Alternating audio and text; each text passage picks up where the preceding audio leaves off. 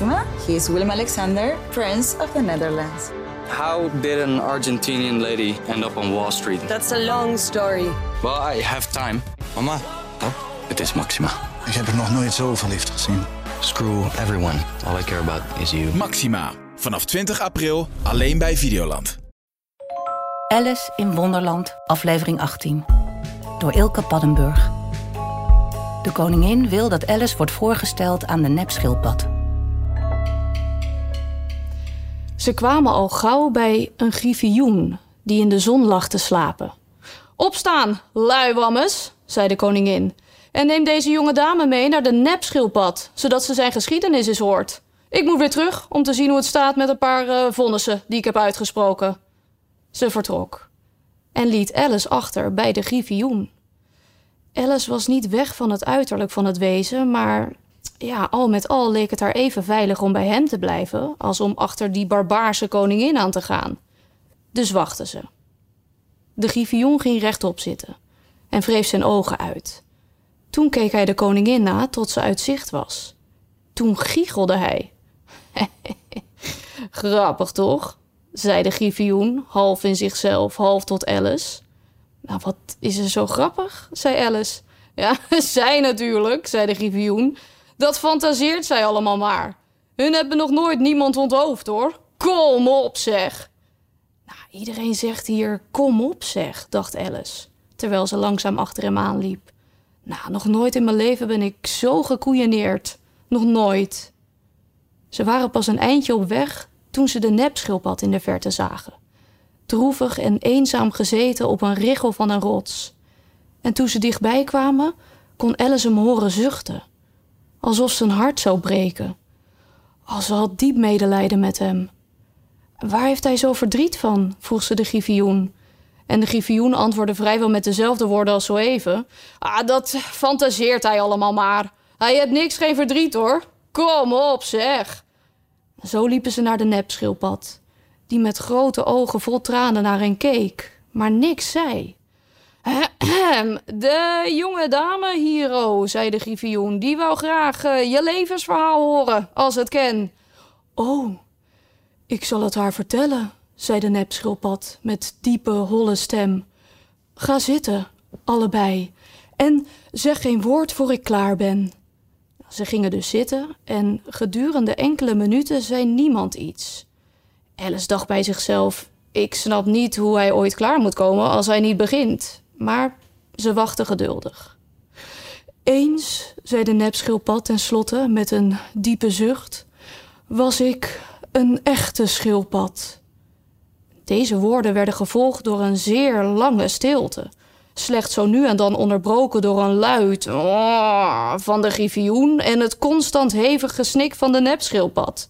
Ja, Alice was bijna van plan om op te staan en te zeggen: Dank u wel, meneer, voor uw eh, interessante verhaal. Maar ze dacht nu eenmaal dat er nog meer moest komen, dus bleef ze stil zitten en zei niets.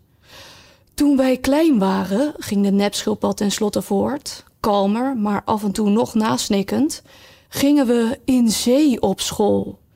De meester was een oude schildpad. We noemden hem de Scheldpad. Oh, omdat hij altijd zo schold, zeker? vroeg Alice. Nee, maar. Wat ben jij snugger? zei de nepschildpad boos. Zouden we hem de Scheldpad noemen omdat hij zo vriendelijk tegen ons sprak? Nou, je moest je schamen. Zo'n simpele vraag te stellen, voegde de griffioen eraan toe.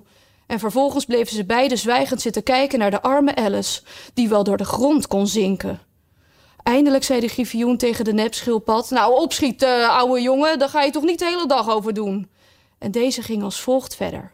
Ja, we gingen in zee op school, geloof het of niet. Niet eens, onderbrak Alice hem. Wel eens, zei de nepschildpad. Hou je mond, voegde de griffioen eraan toe. Nog voor Alice iets kon zeggen.